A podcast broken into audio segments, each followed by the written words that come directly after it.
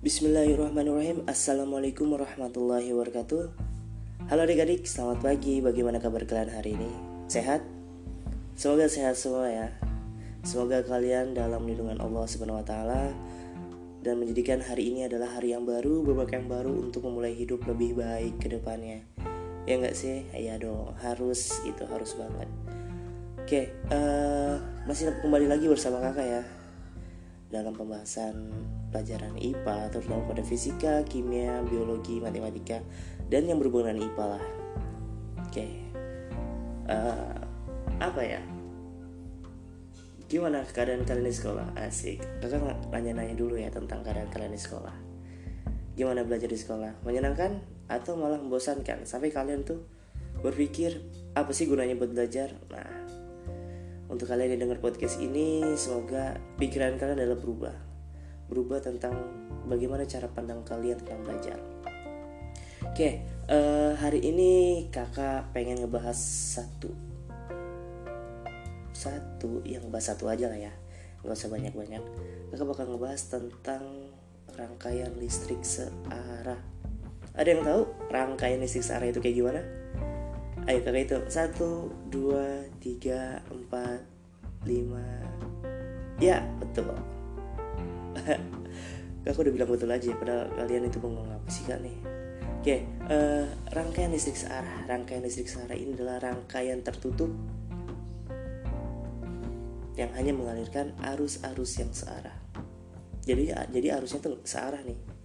Dari A ke titik B dia mengalir dan dia nggak bakal balik lagi dari titik B ke titik A. Itu namanya arus listrik searah.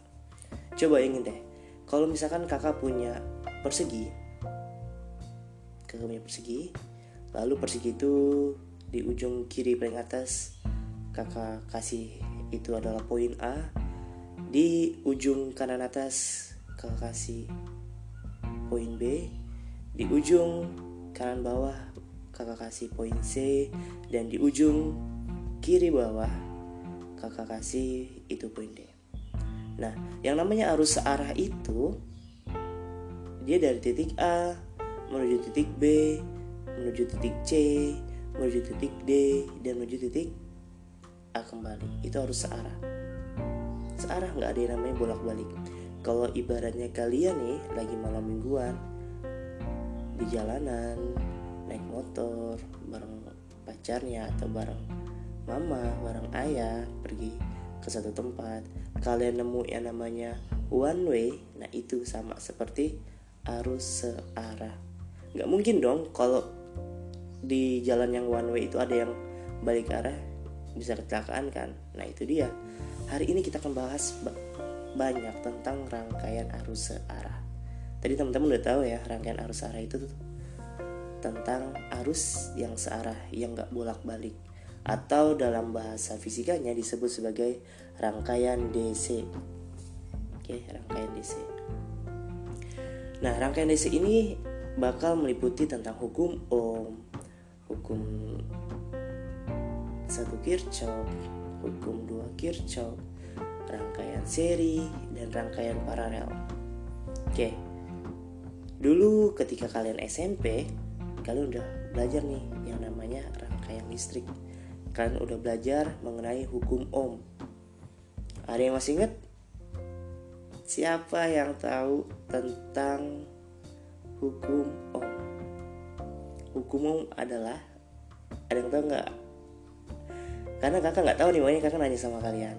Kakak nggak tahu hukum om itu apa. Kamu kakak nggak tahu gimana kita? Oke oke.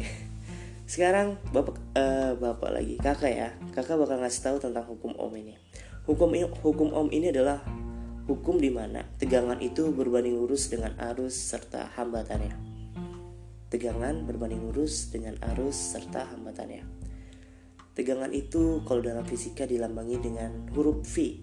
V-nya V besar ya tentunya ya. Tapi satuannya pakainya V kecil volt nah lalu arus ini dalam fisika dilambangkan oleh huruf I besar I kapital oke dan satuannya adalah ampere sedangkan hambatan dilambangkan dalam fisika menggunakan huruf R kapital dan satuannya adalah ohm. Oke, kalau kita ingat-ingat rumusnya jadinya V sama dengan I dikali R. Itu adik-adik ya, dicatat V sama dengan I dikali R. V itu adalah tegangan, I adalah arus listrik, serta R itu adalah hambatan.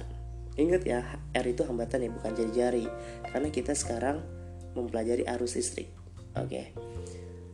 Oke, lanjut. Uh, nanti hukum Ohm ini bakal berhubungan dengan yang namanya rangkaian seri dan rangkaian paralel.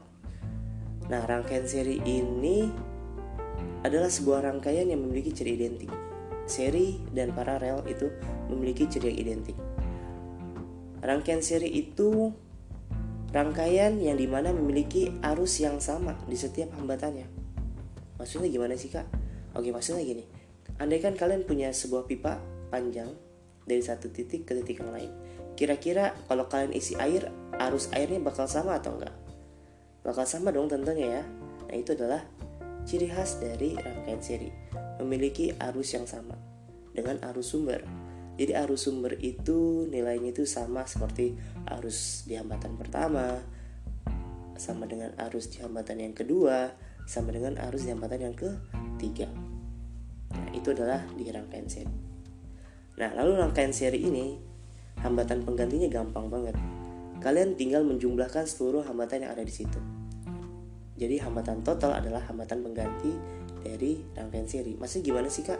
Maksudnya gini, rang hambatan pengganti pada rangkaian seri adalah misal di sini kakak punya empat hambatan yang disusun secara seri, maka hambatan pengganti serinya bernilai R1 ditambah R2 ditambah R3 ditambah R4.